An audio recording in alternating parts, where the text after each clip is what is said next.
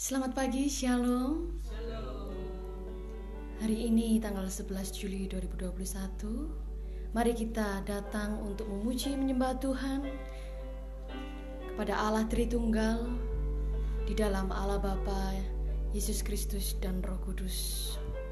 Sebab tak terukur kasihnya yang telah menggantikan kita sehingga kita mendapatkan penebusan dosa. Kita naikkan pujian penyembahan kehadiratnya yang kudus, tak terukur kasihmu Yesus.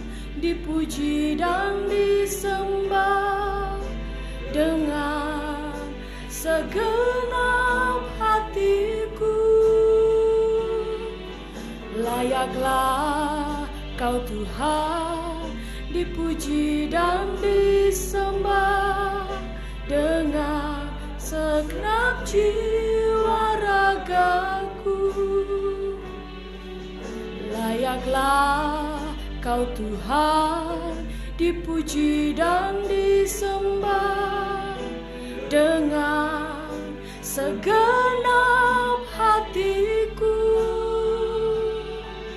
Layaklah kau Tuhan dipuji dan disembah dengan segenap jiwa ragaku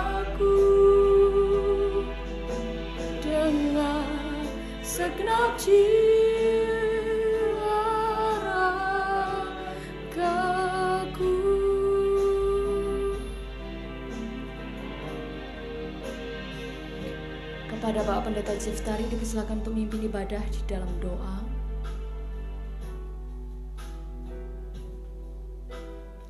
Mari saudaraku yang terkasih dalam Tuhan kita memulai ibadah kita ini. Mari kita berdoa. Bapa kami di surga, Allah kami dalam Yesus Kristus, kami datang kepadamu di dalam pimpinan roh kudusmu. Kami datang tunduk hormat, memuji, menyembahmu, dan memuliakan namamu di hari ini. Kami sungguh sangat bersuka cita karena roh kudus memelihara kami dan terus membawa kami dalam uh, panggilan Kristus panggilan untuk memuji dan beribadah dan bersyukur di hari ini. Maka biarlah ibadah kami hari ini Tuhan kuduskan dan berkati, limpahkan berkatmu di tengah-tengah ibadah kami ini dengan kuasa dan karunia dari surga dan penyertaan Tuhan Yesus Kristus. Terima kasih Bapak kami memulai ibadah ini dalam nama Tuhan Yesus Kristus. Haleluya. Amin. Di dalam kasih Yesus Kristus kita mendapatkan pengampunan dosa bahkan kita pun juga dibentuknya sehingga kita belajar terus untuk mengasihi sesama maupun mengasihi Tuhan kita. Dalam Yesus kita bersaudara. Mari kita berdiri menaikkan pujian ini.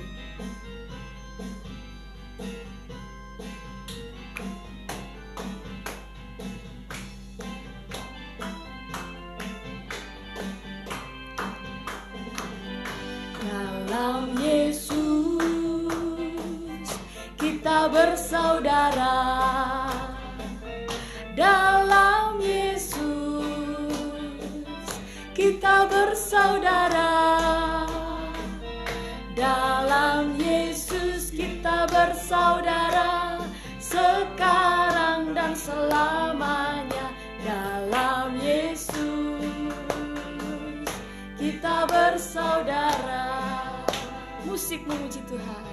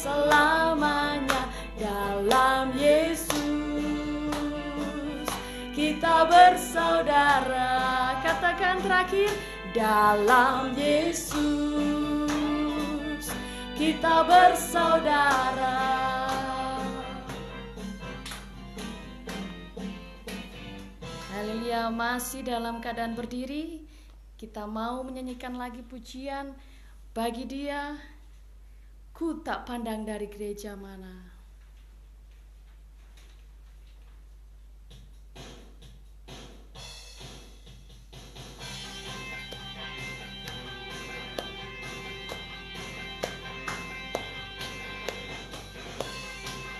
Pertama kita katakan, ku tak pandang dari suku mana. Ku tak pandang dari suku mana.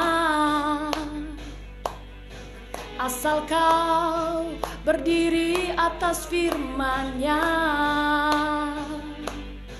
Bila hatimu seperti hatiku Engkaulah saudara dan saudariku Katakan lagi tak pandang dari gereja mana? Asal kau berdiri atas firman-Nya. Bila hatimu seperti hatiku Engkaulah saudara dan saudariku Dalam Yesus kita bersaudara. Dalam Yesus kita bersaudara. Dalam Yesus kita bersaudara. Ku cinta keluarga Allah. Ku cinta keluarga Allah. Dalam Yesus Dalam Yesus kita bersaudara. Dalam Yesus kita bersaudara. Dalam Yesus kita bersaudara. Ku cinta keluarga Allah. Ku cinta keluarga Allah Amin, haleluya. Sudah dipersilakan untuk duduk kembali.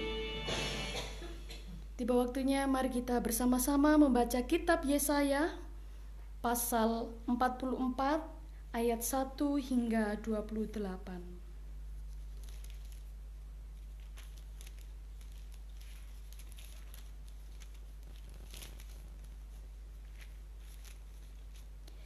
Yesaya 44 ayat 1 hingga 28 Mari kita baca bersama-sama.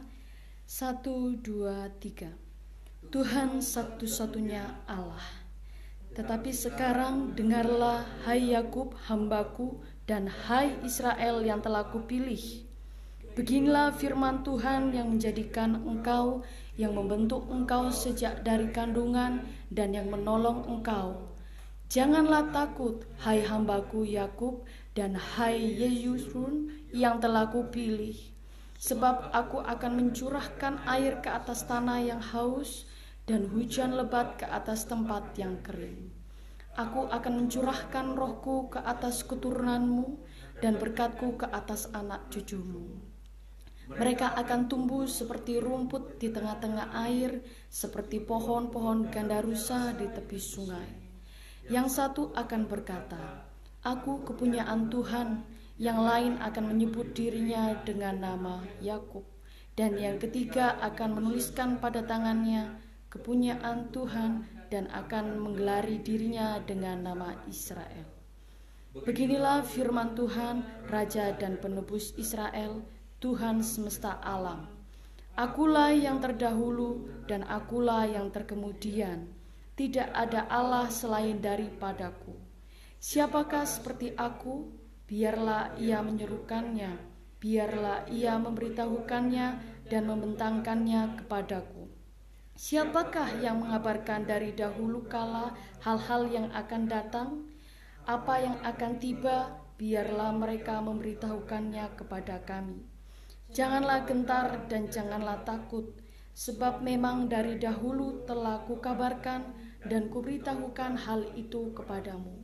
Kamulah saksi-saksiku, Adakah Allah selain daripadaku? Tidak ada gunung batu yang lain, tidak ada ku kenal.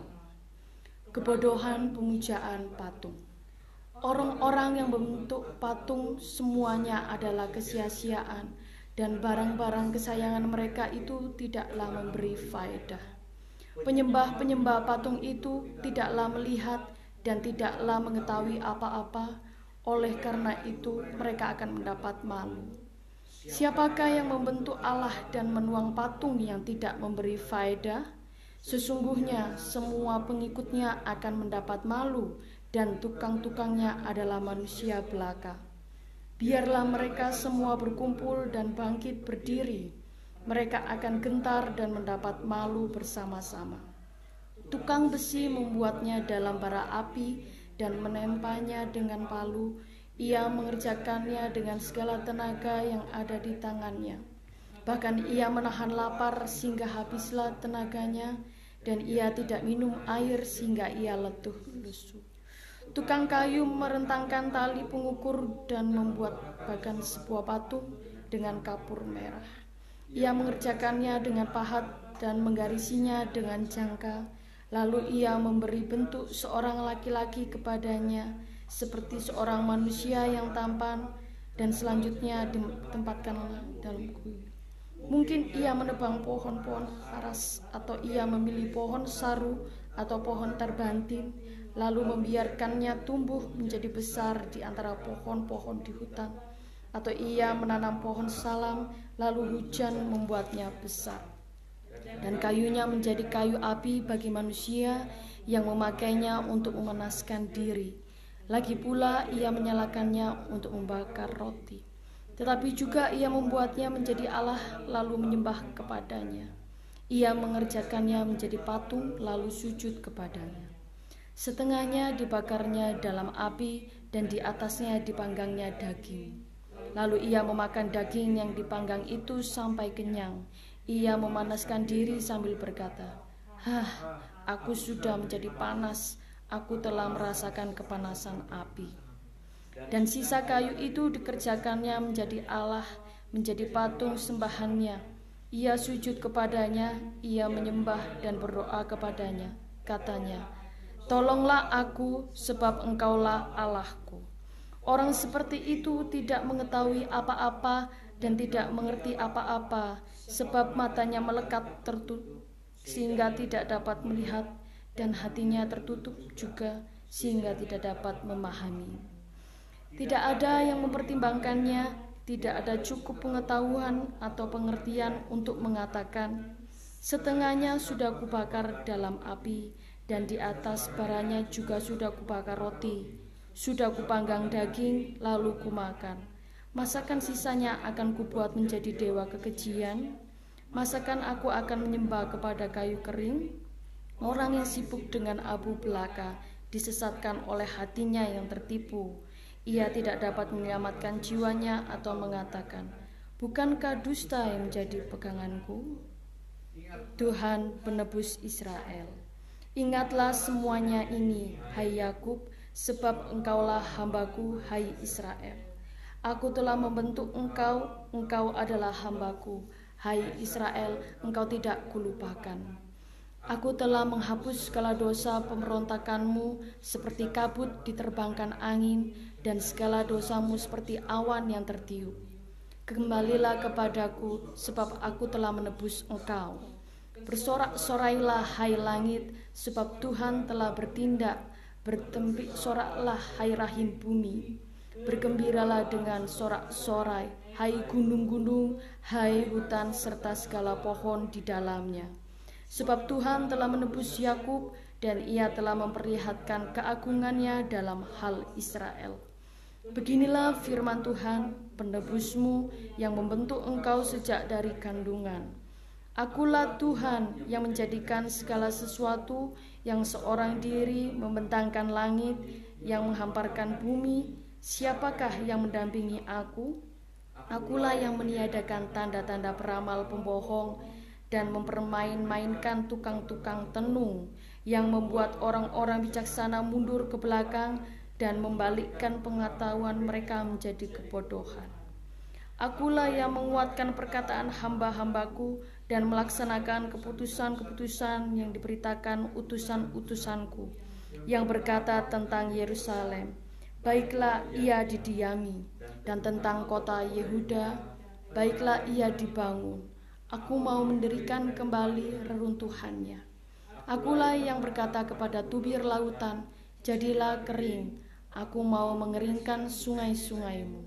Akulah yang berkata tentang Kores, dia gembalaku, segala kehendakku akan digenapinya dengan mengatakan tentang Yerusalem, baiklah ia dibangun, dan tentang bait suci, baiklah diletakkan dasarnya.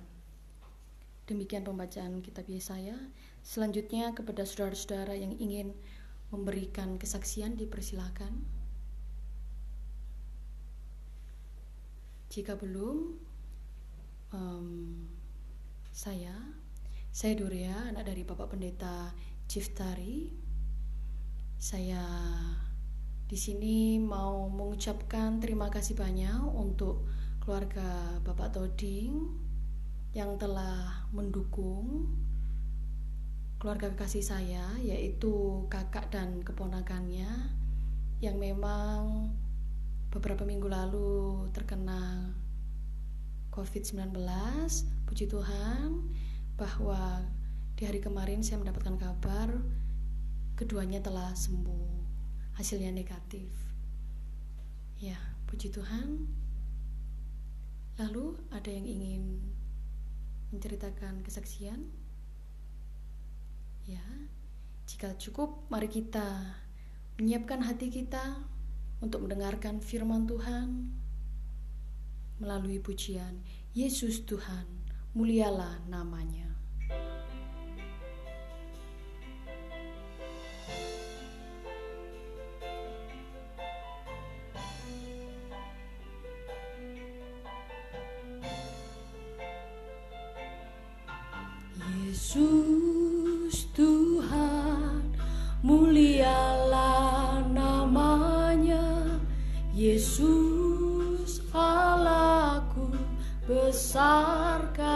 Kasihnya dahulu sekarang dan sampai selamanya.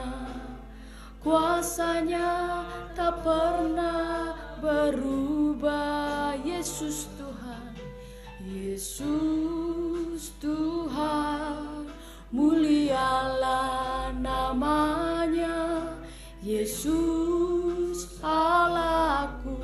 besar kasihnya dahulu sekarang dan sampai selamanya.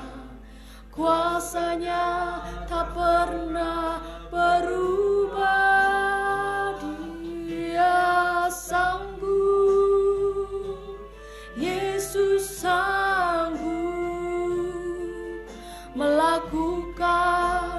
perkara yang besar. Dia sanggup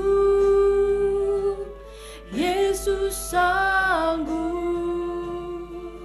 Memulihkan yang terluka Menyembuhkan yang menderita. Dia sanggup memulihkan hidupku. Dia sanggup Yesus sanggup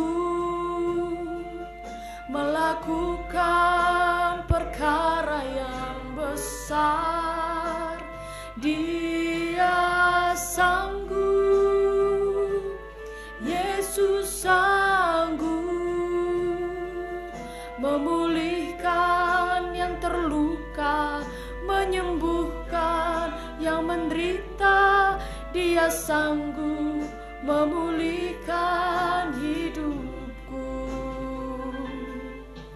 Dia sanggup memulihkan hidupku. Amin. Hanya Engkau Yesus Kristus yang sanggup memulihkan keadaan kami dari segala kondisi kami. Kepada Bapak Pendeta Ciftari, dipersilakan untuk berdoa dan menyampaikan firman Tuhan.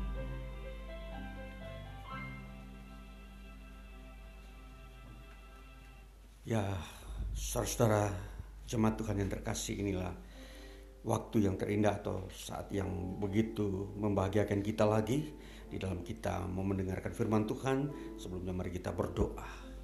Kami datang dengan penuh kerinduan lagi ya Tuhan, sebagaimana layaknya Tuhan menghimpun anak-anakmu untuk mendengarkan firman-Mu supaya anak-anakmu mengerti kehendak Bapa yang kekal, Bapaknya yang di surga, di dalam memulihkan kehidupan anak-anaknya di muka bumi, menyempurnakan, membangun, dan seterusnya. Maka ya Tuhan, kami sangat bersyukur di siang hari ini. Di dalam hari yang telah Tuhan tentukan lagi, kami datang mendengarkan firman-Mu dan biarkanlah firman-Mu berbicara dan menguasai, menguasai jiwa pikiran kami dan biarkanlah Roh Kudus mengajarkan kami kebenaran-kebenaran kehidupan di dunia ini jalan-jalan Tuhan sehingga kami tidak tersesat sehingga kami juga bisa uh, masuk ke dalam persekutuan kekal dengan Tuhan. firman-Mu yang tidak pernah berubah Tuhan, Engkau mampu menguduskan, memberkati kehidupan kami umatmu di saat ini yang mendengarkan firman-Mu. Setiap orang yang mendengarkan firman-Mu, baik secara langsung di tempat ini maupun melalui podcast di masa-masa akan datang yang mendengarkan firman-Mu berulang-ulang. Tuhan yang berbicara memberkati sehingga bertumbuhlah pengenalan akan Tuhan di dalam mereka. Iman mereka bertumbuh dan hambamu yang kau urapi, yang kau pakai Engkau teguhkan dan kuatkan sesuai dengan kehendakmu sendiri. Terjadilah kehendak Tuhan, kuasa Tuhan di tengah kami. Berkati dan penuhi kami dengan kuasa roh kudus. Maka di dalam nama Tuhan Yesus Kristus, kami mau mendengarkan firman-Mu di hari ini. Haleluya. Amin. Ya, saudaraku yang terkasih, kita hari ini mau membuka firman Tuhan Alkitab dari kitab 1 Korintus pasal yang ke-11 ayat 23 hingga 33. Firman Tuhan bunyinya demikian. Sebab apa yang telah kuteruskan kepadamu telah aku terima dari Tuhan, yaitu bahwa Tuhan Yesus pada malam waktu ia diserahkan mengambil roti dan sesudah itu ia mengucap syukur atasnya, ia memecah-mecahkannya dan berkata, Inilah tubuhku yang diserahkan bagi kamu Perbuatlah ini menjadi peringatan akan aku. Demikian juga ia mengambil cawan sesudah makan lalu berkata, Cawan ini adalah perjanjian baru yang dimeteraikan oleh darahku. Perbuatlah ini setiap kali kamu meminumnya menjadi peringatan akan aku. Sebab setiap kali kamu makan roti ini dan minum cawan ini, kamu memberitakan kematian Tuhan sampai ia datang. Jadi barang siapa dengan cara yang tidak layak makan roti atau minum cawan Tuhan, ia berdosa terhadap tubuh dan darah Tuhan. Karena itu hendaklah tiap-tiap orang menguji dirinya sendiri dan baru sesudah itu ia makan roti dan minum dari cawan itu. Karena barang siapa makan dan minum tanpa mengakui tubuh Tuhan, ia mendatangkan hukuman atas dirinya. Sebab itu banyak di antara kamu yang lemah dan sakit dan tidak sedikit yang meninggal. kalau kita menguji diri kita sendiri, hukuman tidak menimpa kita. Tetapi kalau kita menerima hukuman dari Tuhan, kita dididik supaya kita tidak akan dihukum bersama-sama dengan dunia. Karena itu saudara-saudaraku, jika kamu berkumpul untuk makan, nantikanlah olehmu seorang akan yang lain. Ayat 34, kalau ada orang yang lapar, baiklah ia makan dahulu di rumahnya, supaya jangan kamu berkumpul untuk dihukum. Hal-hal lain, hal-hal yang lain akan kuatur kalau aku datang. Ya demikian uh, bacaan firman Tuhan yang terambil dari 1 Korintus 11 ayat 23 sampai 34. Ya, tema yang kita akan lihat di dalam bacaan ini saya memberi tema sakralitas iman Kristen atau bahasa yang kita uh, uh, tahu dalam bahasa uh, kita sehari-hari ya ialah kesucian iman Kristen. Ya saudara-saudaraku yang terkasih, di dalam bacaan ini kita ada kita akan melihat ada uh, empat unsur yang uh, memperlihatkan kesucian atau sakralitas iman Kristen. Ya, iman Kristen bukanlah hasil karya manusia, bukanlah bagian-bagian daripada filsafat atau kebudayaan karena semua yang diciptakan manusia, baik kebudayaan maupun filsafat, itu tidak mempunyai unsur sakralitasnya. Semua bertitik uh, tolak dari apa yang hanya dimengerti oleh manusia. Jadi inilah kita mau melihat ada perbedaan besar antara iman Kristen dan kebudayaan ataupun ilmu pengetahuan. Sehingga di dalam uh, sorotan yang ada di dalam iman Kristen ialah memperlihatkan kesucian atau sakralitasnya. Jadi kita uh, sungguh-sungguh ketika masuk di dalam uh, dimensi iman Kristen, yang kita akan uh, diperlihatkan adalah bagaimana kesucian di dalamnya. Bagaimana kita bisa menikmati hadirat Tuhan yang memiliki uh, kebenaran di dalam iman Kristen. Ya, jadi kalau kita uh, beraktivitas di dunia ini, di mana pun kita pergi, di tempat-tempat umum, di tempat-tempat uh, pendidikan, di tempat-tempat uh, mungkin di situ uh, uh, apa namanya pusat-pusat uh, perbelanjaan. Ya pusat-pusat ilmu pengetahuan. Yang di yang ada di sana yang kita bisa lihat di tempat-tempat itu hanya adalah bagaimana ilmu pengetahuan itu kita dapat. Kita bisa uh, memahami atau mengetahui hal-hal yang uh, ada di situ. Baik pusat kebudayaan misalkan tentang apa tentang uh, bangunan-bangunan purbakala. Kita bisa tahu sejarahnya. Kita juga masuk di dalam uh, misalkan pusat-pusat ilmu pengetahuan tentang filsafat. Bagaimana uh, menelusuri uh, cara berpikir manusia. Semua itu hanya sampai batas ilmu pengetahuan kita tidak bisa menyimak atau bisa merasakan kesucian atau sakralnya ilmu itu ya jadi tentunya harus ada hal yang berbeda perlakuan-perlakuan yang berbeda. Iman Kristen tidak bisa diperlakukan sama dengan ilmu pengetahuan. Iman Kristen tidak bisa di, uh, disetarakan dengan kebudayaan manusia. Bangsa-bangsa mempunyai setiap bangsa mempunyai kebudayaan. Tidak bisa. Karena kita tahu bahwa iman Kristen itu adalah hasil karya Allah yang di dalamnya penuh dengan wahyu Allah dan di situ Allah telah me menguduskan, menyucikan apa yang Allah telah ciptakan. Maka apa yang kita terima dari Allah yaitu firman-Nya yang di dalamnya Allah menyatakan dirinya sendiri di dalam Yesus Kristus itu mengandung kesucian. Jadi bukan sebatas pengetahuan yang kita tahu bahwa Yesus Kristus itu adalah Allah yang datang ke dalam dunia yang menjadi manusia. bukan sebatas ilmu pengetahuan teologi. Tetapi di situ ada unsur sakralnya, kesucian yang Allah akan membela kesuciannya tentang kehadirannya di muka bumi.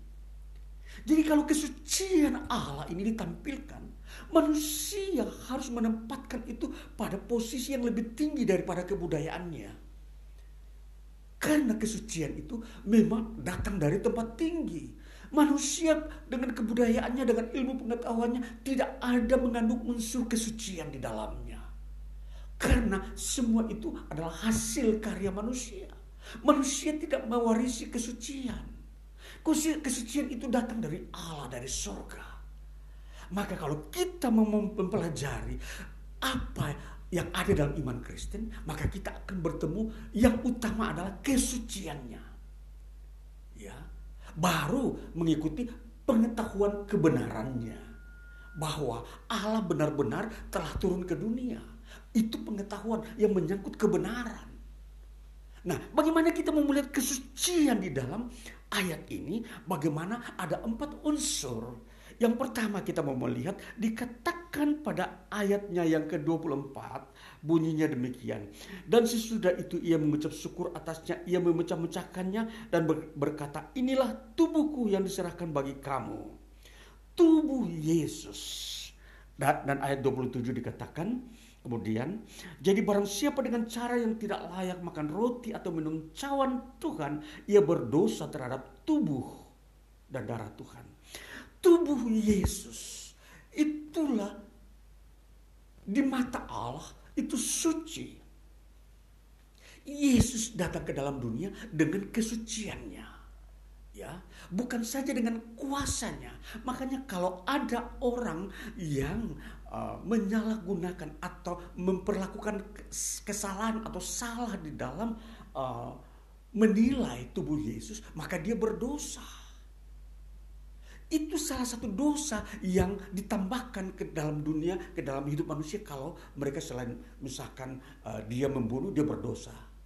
Atau dia mencuri berdosa. Tapi ini ditambahkan lagi, barang siapa menganggap remeh tubuh Yesus, dia berdosa. Jadi dosa ini ada hubungan dikatakan kalau orang memandang Yesus dengan cara yang salah, dia berdosa. Eh, inilah kesucian iman Kristen. Di dalam iman Kristen, Yesus Kristus ini adalah uh, pusat daripada iman Kristen. Yesus datang memanggil uh, semua orang untuk mengalami pengampunan dosa. Dan di situlah kesucian Yesus Kristus. Tubuh Yesus itu suci. Ketika dia disalibkan, di situ terlihat bahwa tubuh Yesus yang disalibkan itu adalah tubuh yang suci yang memang dipakai untuk persembahkan korban pengampunan dosa terhadap semua umat manusia yang percaya padanya di hadapan Allah. Itulah tubuh yang suci. Nanti kita melihat lagi bagian yang kedua. Darah juga darah Yesus itu suci. Jadi unsur yang ada di dalam pribadi Yesus, tubuhnya dan darahnya itu suci. Maka darah Yesus juga dikatakan sebagai darah perjanjian. Dikatakan pada ayatnya yang ke-25 dikatakan dikatakan lagi demikian juga ia mengambil cawan. Sesudah makan lalu berkata cawan ini adalah perjanjian baru yang dimeteraikan oleh darahku jadi perjanjian Allah dengan manusia tentang keselamatan itu dimeteraikan oleh darah Yesus Nah, kalau meterai sebagai tanda pengesahan perjanjian Allah yang suci, maka darah itu pun suci. Sehingga kesucian di dalam iman Kristen ini adalah darah Yesus. Nah ini sangat berguna dan ditetapkan Allah untuk menyucikan dosa-dosa kita. Nah, ini saudara, ini bagian yang kedua, sakralitas kesucian iman Kristen. Jadi ketika seorang masuk di dalam uh, dimensi iman Kristen, dia harus sadar bahwa kesucian sudah menantinya. Penyucian dosa sudah ada di depan matanya untuk menyucikan hidupnya dan seluruh dosa-dosanya. Jadi tidak bisa uh, itu menjadi suatu uh, permainan atau menjadi suatu uh, perdebatan-perdebatan. Ya, kadang-kala orang datang kalau kita mau lihat di di apa namanya di dunia sekuler misalkan katakanlah di tempat-tempat umum di tempat-tempat pusat-pusat kebudayaan orang datang bisa saja uh, mengkritik semua hal yang dia lihat dia bisa mengatakan oh apa yang terjadi di dalam atau ditampilkan di ruang pameran uh, kebudayaan dia dia bisa berkata bahwa ya uh, kebudayaan ini uh, adalah katakanlah bisa saja uh, tidak manusiawi atau kebudayaan yang itu adalah kebudayaan yang uh, keterbelakangan. Ya orang bisa bisa uh, mengkritik semua apa yang telah terjadi dalam sejarah hidup manusia tentang kebudayaan. Kalau kita pernah lihat ada istilah barbar barbar adalah suatu kebudayaan manusia memakan manusia ya. Kalau manusia pada zaman era ini pada era uh, Yunani ini manusia itu dalam kejahatannya untuk memperlihatkan dia begitu benci kepada orang yang dia benci maka orang yang dibenci itu dimakan mentah-mentah ini uh, kebudayaan barbar namanya. Nah ini ini kita bisa mengatakan ini uh, orang bisa mengkritik ini kebudayaan ini uh, begitu uh, jahat ya. Nah, jadi saudara-saudara, kalau kita melihat di dalam iman Kristen, tidak bisa seorang pun uh, menentang atau menolak apa yang Tuhan telah tentukan bahwa tubuh Yesus dan darah Yesus adalah sarana untuk menyelesaikan dosa umat manusia. Tidak bisa karena itu merupakan ketetapan Tuhan, itu merupakan kesucian yang datang dari Allah. Yesus melakukan semua ini bukan hasil kebudayaan manusia. Bukan hasil ilmu pengetahuan manusia. Yesus mati di kayu salib adalah ketentuan Allah, kehendak Allah, bukan uh, hasil uh, keputusan manusia. Nah, itulah sebabnya tubuh Yesus, darah Yesus yang dipersembahkan di kayu salib itu suci di mata Allah. Dan Allah memakai tubuh Yesus dan darah Yesus untuk menyucikan dosa-dosa kita. Dosa semua umat manusia yang mendapatkan pengampunan dosa yang sejati. Ini adalah kesucian iman Kristen. Bagian yang ketiga, kita mau melihat tentang perjanjian. Dikatakan pada ayatnya yang uh, 27 dikatakan jadi barang siapa dengan cara yang tidak layak makan roti atau minum cawan Tuhan, ia berdosa terhadap tubuh dan darah Tuhan. Lalu dikatakan lagi pada ayatnya yang uh, sebelumnya, ayat 25 dulu, 26. Sebab setiap kali kamu makan roti ini dan minum cawan ini, kamu memberitakan kematian Tuhan sampai ia datang. Lalu ayat 20 5. Ah, Demikian juga ia mengambil cawan sesudah makan lalu berkata cawan ini adalah perjanjian baru. Perjanjian baru adalah juga suci. Apa itu perjanjian baru? Perjanjian baru dalam bahasa Yunani dikatakan kaine diateke. Ya, kaine itu baru, diateke itu suatu perjanjian. Kaine diateke artinya perjanjian baru yang mempunyai makna bahwa perjanjian ini belum pernah dipakai oleh Allah. Makna daripada perjanjian baru artinya perjanjian ini adalah suatu perjanjian yang belum pernah dipakai oleh Allah sepanjang penciptaan umat manusia. Kalau kita pernah melihat perjanjian yang Allah buat dengan uh, uh, seperti Nuh, Allah membuat uh, pelangi supaya Allah tidak menghukum manusia dengan air bah lagi. Perjanjian Allah dengan Abraham tentang juga uh, sunat supaya aku tidak menghukum kamu. Perjanjian Allah lagi dengan uh, Musa dengan memberikan hukum Taurat. Itu adalah perjanjian. Tapi semua itu disebut perjanjian lama. Sekarang Allah memberikan perjanjian baru yang disebut kaine diateke yaitu tubuh dan darah Yesus itu adalah perjanjian baru Jadi kalau yang baru ini artinya inilah yang Allah pakai. Yang lama tidak terpakai. Berarti kalau baru yang datang maka yang lama itu tidak terpakai. Jadi perjanjian-perjanjian yang ada dalam Alkitab yang kita sudah lihat adalah perjanjian Nuh, perjanjian Abraham, perjanjian Musa. Ini sudah tidak terpakai dalam hal menyelamatkan umat manusia untuk hidup kekal di surga. Allah memakai perjanjian baru, kainnya diateke ini, yaitu tubuh dan darah Yesus. Maka perjanjian itu adalah suci. Perjanjian itu karena suci, dia bersifat tetap dan tidak berubah. Itu saudaraku, kita di dalam iman Kristen, kita telah menerima perjanjian yang suci ini. Perjanjian di mana kita telah menerima tubuh Yesus dan menerima darah Yesus. Ini yang kita harus tahu, kesucian iman Kristen. Jadi ketika kita betul-betul menjadi Kristen, kita harus sadar, hargailah kesucian Tuhan yang kita telah terima. Banyak orang yang tidak mengerti hal ini, mereka menganggap semua agama sama. Padahal tentunya Allah telah menetapkan Yesus Kristus sebagai hal yang suci bagi dirinya. Sehingga dia harus memeliharanya.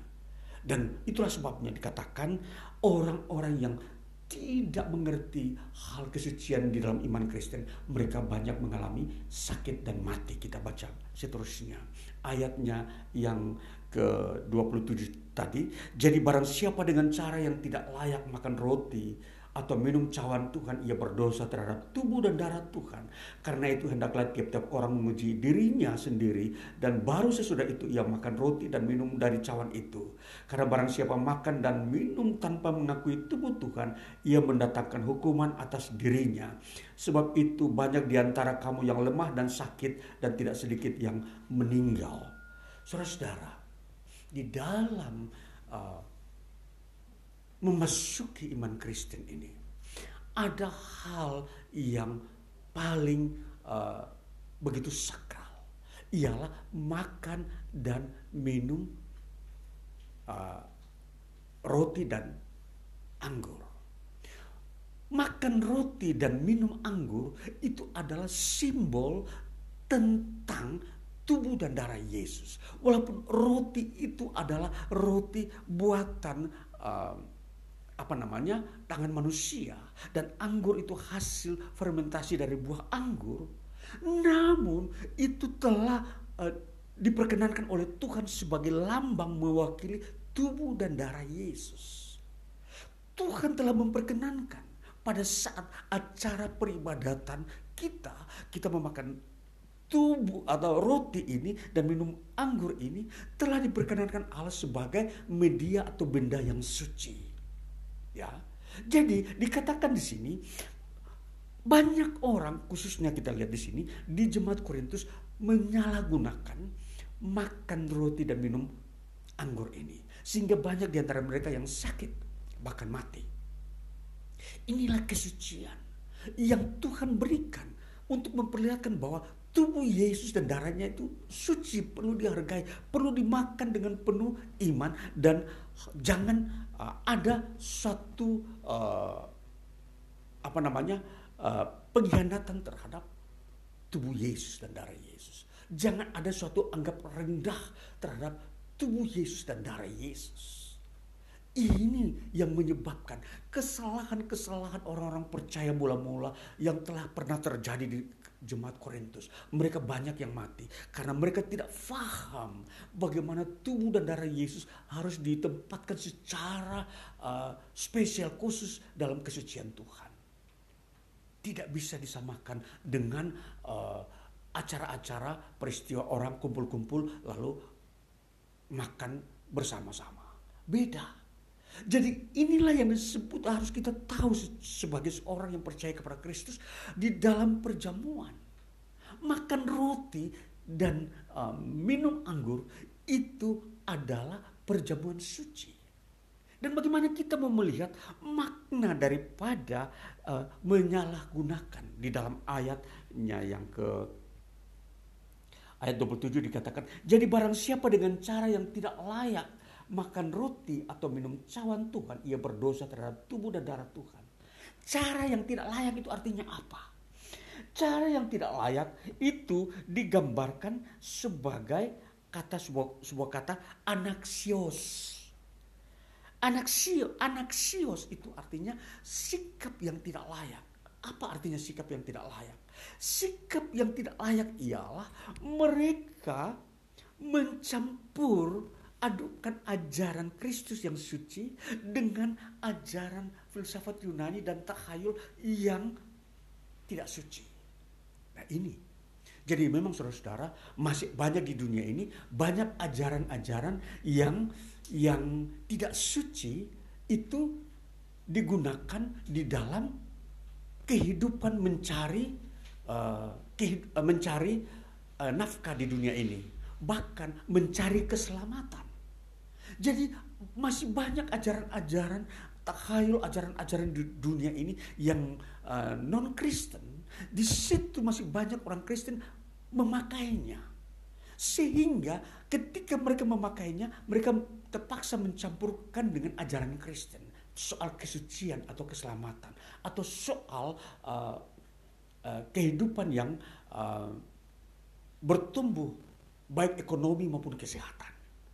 Nah, di situlah banyak uh, harus teguran-teguran yang di, harus disampaikan kepada umat Tuhan.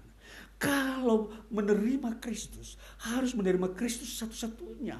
Firmannya tidak boleh ditambahkan dengan ajaran-ajaran non-Kristen. Yang semuanya adalah tahayul. Yang tidak suci. Itulah sebabnya ketika orang Korintus, jemaat Korintus ini, mereka yang uh, sudah uh, apa namanya terbiasa uh, dengan ajaran-ajaran Yunani, tahayul-tahayul Yunani yang tidak suci, lalu mereka masuk dalam perjamuan, makan tubuh uh, atau makan roti dan minum anggur ini, mereka habis melakukan perjamuan, mereka sakit. Karena di dalam mereka mereka belum bersihkan ajaran-ajaran duniawi, ajaran-ajaran yang tidak suci, menyangkut apa? Menyangkut keselamatan, menyangkut pengampunan dosa. Mereka masih percaya kepada tahayul. Menyangkut bagaimana mendapat rezeki di dunia ini, mereka masih memakai ajaran-ajaran tahayul. Dan ini menyebabkan mereka sakit. Nah itulah sebabnya di dalam iman Kristen perlu diperlihatkan hal ini. Kesucian iman Kristen adalah murni harus kita memegang uh, firman Tuhan untuk kehidupan kita di dunia ini dan untuk kekekalan. Inilah yang harus kita tahu. Supaya kita tidak mendapat penghukuman sama seperti orang-orang di Korintus. Mereka sakit-sakitan, bahkan uh, tidak ada kesembuhan, tidak ada mujizat, bahkan mereka mati. Karena Tuhan menghukum mereka. Mereka meremehkan ajaran Kristus. Mereka tidak mau melakukan dengan segenap hati satu-satunya ajaran Kristus dalam hidup mereka. Mereka masih mencampurkan. Itulah yang disebut anaksios. Anaksios ini campuran antara uh, ajaran uh, Yunani dengan ajaran Kristen. Yang itu yang disebut sebagai cara yang tidak layak. Jadi ketika mereka uh, melakukan ajaran-ajaran yang tidak suci, di situ Tuhan menghukum mereka karena Tuhan menghargai karya penebusannya di dalam diri orang-orang yang telah percaya kepada Kristus. Mari kita baca ayat selanjutnya. Kenapa Tuhan menghukum mereka? Ayat 30 uh, ayat 32 dikatakan begini. Tetapi kalau kita menerima hukuman dari Tuhan, kita dididik supaya kita tidak akan dihukum bersama-sama dengan dunia. Ini orang-orang yang uh, masih berdosa terhadap tubuh dan darah Tuhan, ini mereka dihukum oleh Tuhan, itu tujuannya untuk mendidik agar mereka tidak dihukum bersama-sama orang-orang dunia di neraka. Mereka dididik supaya mereka masuk di dalam uh, kebenaran. Tuhan mengampuni dosa mereka, sekalipun mereka uh, ada dalam sebuah kesalahan, kurang menghargai tubuh dan darah Yesus. Mereka dihukum Tuhan, tetapi mereka tidak dimasukkan ke dalam neraka bersama-sama orang dunia.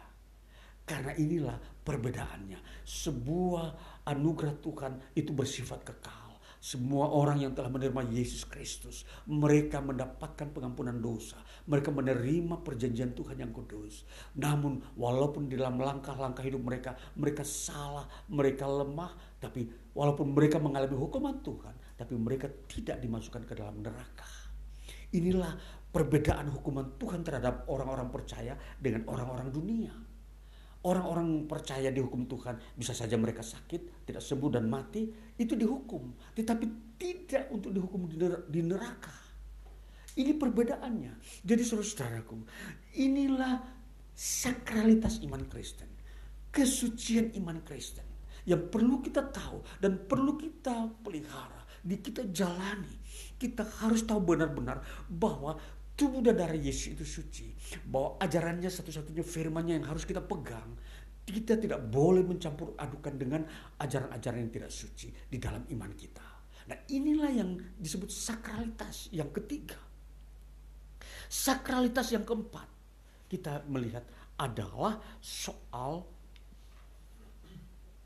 kasih dikatakan di dalam ayat 17 sampai ayat 20 sampai ayat uh, ya ayat 17 kita mulai. Dalam peraturan-peraturan yang berikut, aku tidak dapat memuji kamu, sebab pertemuan-pertemuanmu tidak mendatangkan kebaikan, tetapi mendatangkan keburukan. Sebab pertama-tama aku mendengar bahwa apabila kamu berkumpul sebagai jemaat, ada perpecahan di antara kamu. Hal itu sedikit banyak aku percaya. Sebab di antara kamu harus ada perpecahan supaya nyata nanti siapakah di antara kamu yang tahan uji. Apabila kamu berkumpul, kamu bukanlah berkumpul untuk makan perjamuan Tuhan. Sebab pada perjamuan itu tiap-tiap orang memakan dahulu makanannya sendiri sehingga yang seorang lapar dan yang lain mabuk. Ini sakral yang ke keempat. Bahwa di dalam ibadah perlu ada kasih. Tanpa kasih, maka di situ telah terjadi keberdosaan. Maka uh, di dalam sakralitas iman Kristen harus kita harus memperhatikan kasih.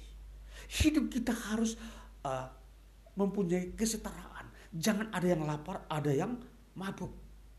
Ini karena tidak ada kesetaraan, karena tidak ada kasih sehingga terjadi uh, ada apa perbedaan yang besar. Yang satu lapar, yang satu mabuk atau kekenyangan. Ini uh, adalah tidak benar dan ini berdosa di dalam perkumpulan atau dalam ibadah kita.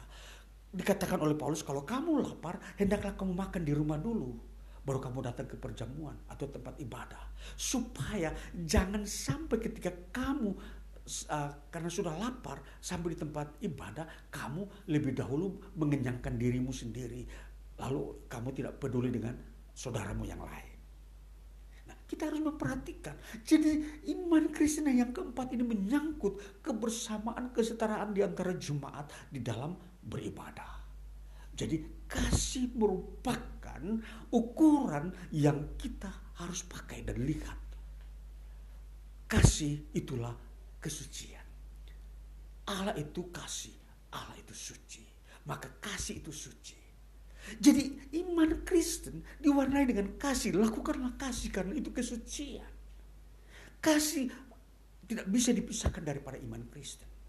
Karena iman Kristen adalah suci, kasih itu pun suci. Jadi di mana kita berada, situ tetap ada kasih. Karena itu uh, merupakan jati diri daripada iman Kristen. Kesucian. Jadi saudaraku, inilah sakralitas iman Kristen yang keempat. Yang kita harus tahu, yang memang benar-benar uh, menjadi dasar kesucian iman Kristen. Jadi iman Kristen tidak bisa uh, ditampilkan dengan model-model kebudayaan.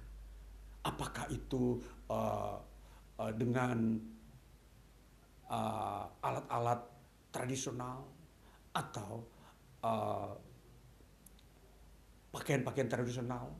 Jadi iman Kristen tidak berurusan dengan eh, tata cara atau pakaian atau uh, fasilitas. Tapi iman Kristen itulah adalah berinti pada perjamuan. Jadi kita uh, datang di dalam ibadah untuk mendapatkan anugerah atau kehidupan kesucian di dalam Kristus Yesus. Jadi semua hal-hal ornamen-ornamen ornamen budaya yang ada di dunia ini tidak memberikan warna kesucian bagi iman Kristen.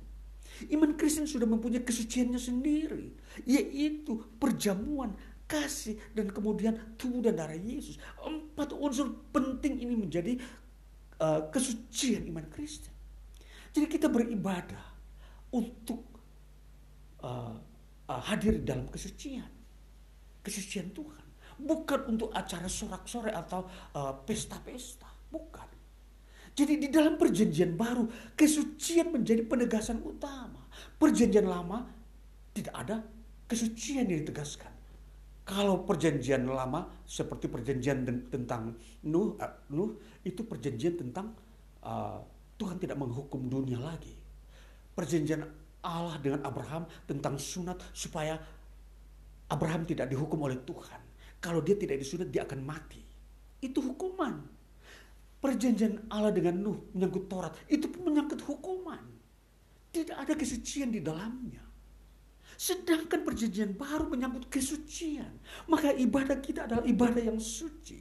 Kita datang untuk mendapatkan kesucian dari Tuhan dan penyucian Tuhan itu terjadi atas diri kita. Kita merasakan kesucian.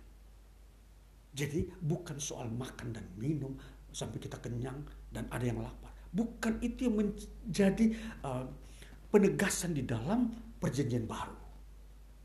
Jadi perjanjian baru penegasan penegasannya adalah penyucian hidup. Jadi hidup kita ini benar-benar yang kita rasakan adalah penyucian dari Tuhan. Dan semua ini adalah kuasa karya Tuhan, bukan ilmu pengetahuan. Tuhan yang menyucikan, tidak seorang pun bisa menyucikan sesamanya. Hanya Tuhan yang langsung menyucikan setiap pribadi individu yang ada mendengarkan firman Tuhan. Itulah yang kita cari. Perkenanan kita di hadapan Tuhan. Jadi sakralitas iman Kristen inilah yang harus kita ketahui. Di dalam perjalanan hidup kita, di mana pun kita uh, pergi beribadah, atau di mana pun kita bersekutu dengan orang percaya lainnya, kita harus tahu sakralitasnya bahwa kasih itu harus ada. Bahwa uh, pengajaran-pengajaran palsu, sesat itu harus dibuang.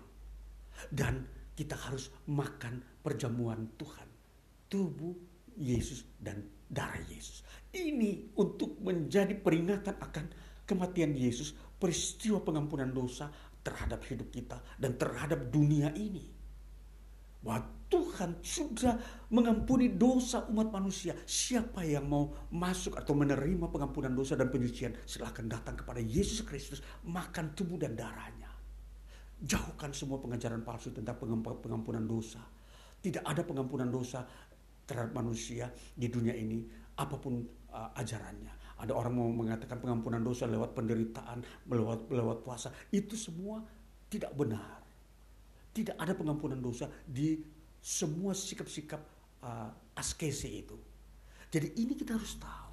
Kita tidak boleh uh, uh, menerima ajaran-ajaran askese bahwa penyucian bisa dapat kita uh, uh, kita bisa dapat penyucian itu dari penderitaan. Hanya dengan darah Yesuslah itulah iman Kristen, kesucian iman Kristen. Jadi orang Kristen tidak boleh melakukan Uh, penyucian dengan cara tambahan yaitu dengan puasa. Cukup dengan percaya menerima Yesus Kristus perjamuan kudus, di situ dia sudah dapat penyucian. Bukan dengan cara tambahan. Bukan dengan cara entah ada yang menganggap puasa itu merupakan tambahan untuk penyucian iman Kristen. Tidak. Umat Tuhan di dalam Yesus Kristus sudah disucikan sekali oleh darah Yesus. Tidak bukan lewat puasa. Ya, ini harus kita perhatikan sehingga kita tidak dihukum oleh Tuhan seperti dikatakan oleh satu Korintus uh, di dalam uh, kepada jemaat Korintus ini bahwa mereka banyak yang sakit dan mati karena mereka menggandakan atau me, uh, menambahkan ya menambahkan penyucian jadi selain darah Yesus mereka tambah lagi dengan yang lain ya jadi ini saudaraku, kita mau melihat sakralitas iman Kristen di sini. Jadi kita benar-benar memiliki pegangan iman Kristen yang tepat, tidak samar-samar. Tidak, bukan asal saya dengar dari orang A, orang B. Harus dari firman. Apa itu kesucian iman Kristen? Di sini. Sehingga kita menjalani iman Kristen dengan tepat terarah ke depan. Bukan menggak-menggok campur sana campur sini. Satu arah. Yaitu hanya dengan perjamuan dengan Yesus Kristus. Makan roti dan minum anggur yang adalah lambang, simbol dari tubuh dan darah Yesus yang telah disucikan. Itu menyucikan kita. Karena sebelumnya kita telah disucikan oleh darah Yesus melalui pengampunan dosa. Itulah sebabnya pengampunan dosa merupakan titik awal orang masuk di dalam persekutuan dengan Allah. Pengampunan dosa, lahir baru. Baru dia melakukan perjamuan kudus. Di dalamnya baru dia merasakan kesucian Tuhan. Nah, itulah sebabnya kesucian kita ini bukan karena hasil usaha kita, bukan karena kita uh, berpuasa, bukan karena kita membuat derma, memberi makan orang, uh, miskin baru kita suci. Tidak. Kesucian kita kita dapatkan karena kita mengakui dosa kita dan Tuhan mengampuni kita. Berbeda dengan yang lain, ada orang mendapatkan dia merasa mendapatkan penyucian dosanya ketika dia memberi pertolongan kepada orang miskin, memberi makan orang miskin, baru dia uh, merasa dia suci. Bukan. Kesucian kita bukan model seperti itu. Kesucian kita itu karena Tuhan sendiri yang mengampuni dari sorga. Jadi itu tidak ada uh, sebuah tanda-tanda lahiriah yang harus diperlihatkan. Kalau tanda lahiriah uh, ajaran-ajaran Yunani dia harus puasa, dia harus menoreh badannya ini bekas tanda penyucian dosa saya sehingga dia bisa lihat dengan mata bahwa dia sudah suci katanya. Dia harus membuat tanda entah di bagian mana mungkin kupingnya dipotong, mungkin tangannya dipotong satu supaya membuktikan, bahwa dia suci, dia sudah mengaku dosa. Ini ajaran-ajaran Yunani yang bukan Kristen. Sehingga kita harus tahu bahwa kesucian itu itu tidak adalah tanda tidak ada tanda-tanda lahiriah. Kalau Abraham disunat itu tanda lahiriah supaya dia kelihatan supaya tidak dihukum Tuhan. Itu tanda lahiriahnya. Iman Kristen tidak ada tanda lahiriah soal kesucian. Tuhan sudah sendiri yang mengampuninya. Jadi kita tidak bisa uh, memakai uh, label-label simbol bahwa saya suci. Tidak. Tuhan yang telah mengerjakannya. Iman kita hanyalah tetap dalam firman-Nya. Itulah yang kita lakukan. Jadi kesucian kita ini itulah pengetahuan pribadi Tuhan dengan kita. Tuhan yang telah memperlihatkan kita melalui firman-Nya, kamu telah saya ampuni dosamu berdasarkan perjanjian firman Tuhan yang kamu telah terima. Jadi kita harus mendengar firman Tuhan untuk mengetahui bahwa kita sudah disucikan atau belum. Kalau orang belum pernah mendengar firman Tuhan, dia tidak pernah mengenal nama Yesus. Dari mana dia mendapatkan penyucian dosa? Harus melalui mengenal nama Yesus dan menerima firman-Nya baru dia mengerti, oh saya sudah diampuni dosa. Jadi pengampunan dosa kita tidak dijual di pasar, di jalan-jalan, ada dalam firman. Dan itu bukan pengetahuan umum, pengetahuan Tuhan dengan kita. Jadi pengetahuan inilah yang harus kita tahu. Jangan uh, tidak bisa diketahui oleh orang, oleh orang lain. Oh masa kamu orang suci? Oh tidak ada tanda-tanda bekas. Tidak, memang Tuhan tidak memperlihatkan tanda kesucian dalam diri kita orang percaya. Tanda itu hanya Tuhan yang memberikan karena inilah uh, otoritasnya Tuhan, kedaulatan Tuhan di dalam menyucikan manusia. Jadi iman Kristen, sakralitasnya di sini di sinilah sesuatu yang bersifat privasi Tuhan dengan kita, tidak bersifat umum. Jadi inilah yang harus kita tahu bahwa menjadi Kristen adalah sesuatu yang privasi dengan Allah tidak bisa menjadi sesuatu yang bersifat uh, umum rata-rata orang uh, harus mengetahui. Jadi inilah saudara-saudaraku, kita harus mengerti bagaimana kesucian iman Kristen itu sendiri. Jadi hari lepas hari, hari ini bahkan sejak kita menerima Yesus sampai selama-lamanya kita sudah disucikan. Jadi kesucian kita bukan berdasarkan ukuran manusia, penilaian manusia. Walaupun sekarang saya berkata, saya masih berdosa, betul. Tapi kesucian itu adalah milik Allah. Allah yang sudah tetapkan bahwa saya orang suci. Berdasarkan perjanjian. Bukan berdasarkan perbuatan. Kalau perbuatan saya masih berdosa. Saya masih bisa, uh, apa namanya, uh, berkata salah. Saya masih berpikir, masih bisa berpikir keliru. Semua itu dosa.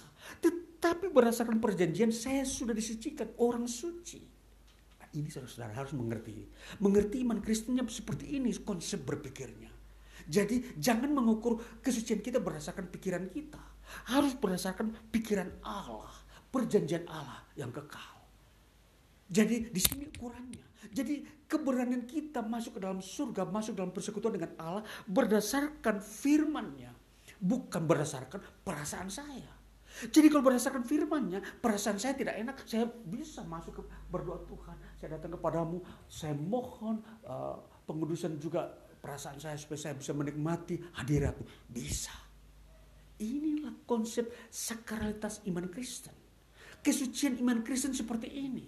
Dia punya uh, uh, ruang lingkup atau tingkah laku daripada kesucian iman Kristen.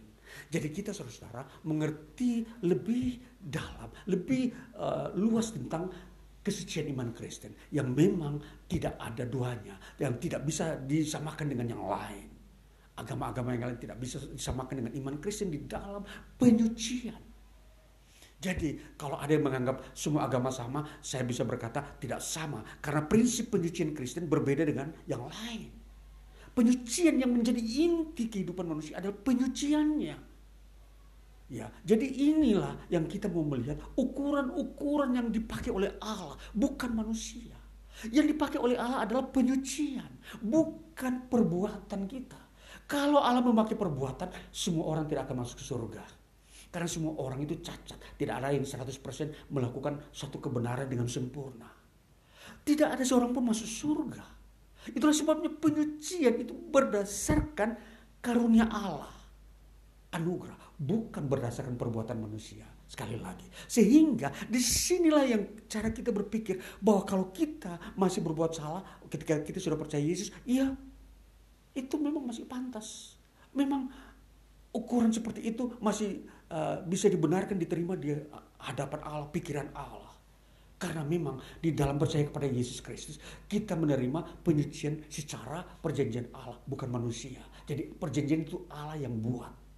Nah, kalau kita masih uh, salah atau lemah atau keliru, itu disebut dosa, tapi itu tidak uh, digolongkan ke dalam uh, uh, penilaian Allah untuk meniadakan perjanjian kesucian. Nah, jadi kita tetap suci di mata Allah karena perjanjiannya.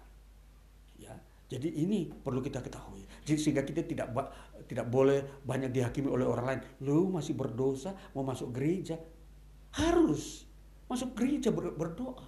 Jangan kita dihakimi oleh orang-orang yang yang fasik, yang mau berkata bahwa kamu tidak layak masuk gereja karena kamu orang berdosa, kamu penipu, kamu uh, uh, suka uh, berbuat kejahatan. Tidak, justru datang kepada Tuhan mendapatkan penyucian. Dan jadi di sini uh, pemikiran-pemikiran manusia yang harus kita luruskan Jangan kita mau di, diisi oleh pikiran manusia yang semua itu datang dari setan. Setan selalu mengintimidasi pikiran kita supaya kita tidak boleh datang kepada Allah. Tapi kalau kita berpikir tentang firman Allah, anugerah Allah, maka ini panggilan untuk kita datang menyembah Allah, memuji Allah. Karena firmannya bersifat kekal, perjanjian penyucian.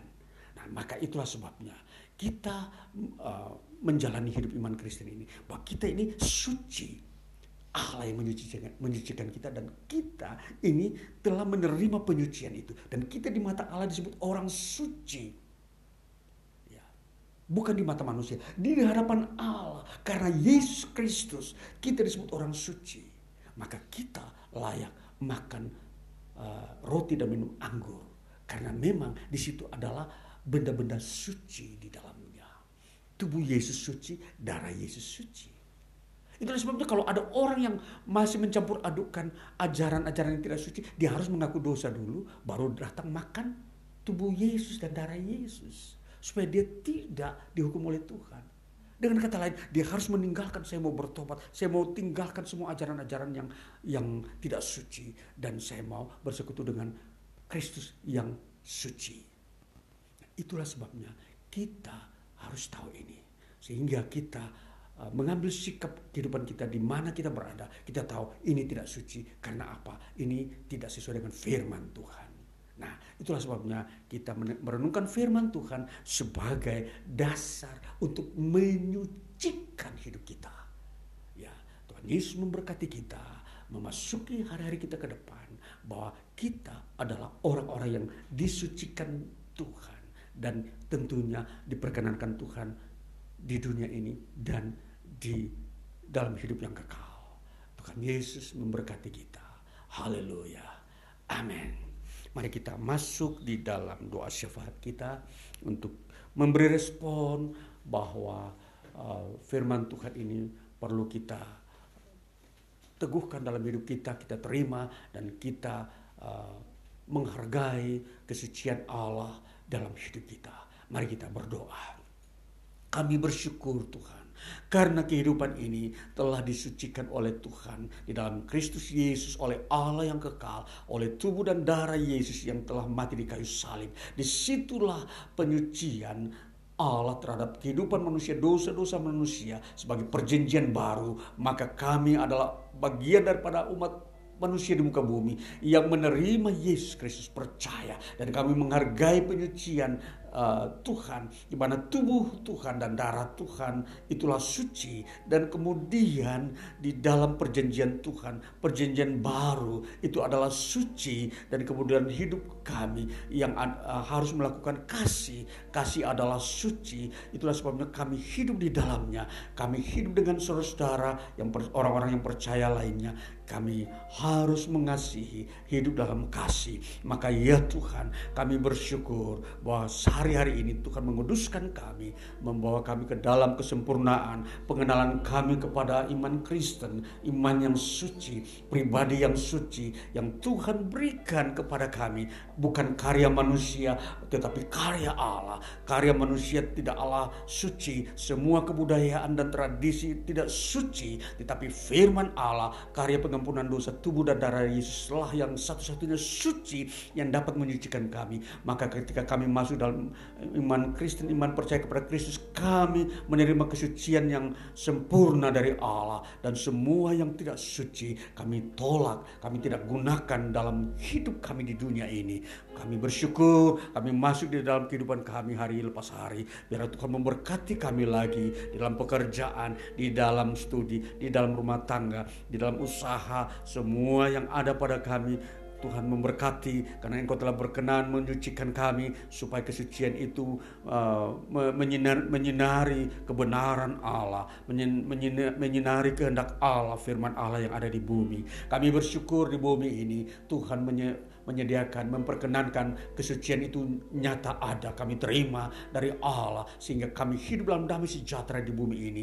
Tuhan yang menjauhkan kami dari malapetaka dan semua penyakit karena kami telah dikuduskan Tuhan. Maka firman Tuhan memenuhi kami. Tubuh jiwa roh kami ini juga dikuduskan sebagai persembahan kudus di hadapan Allah.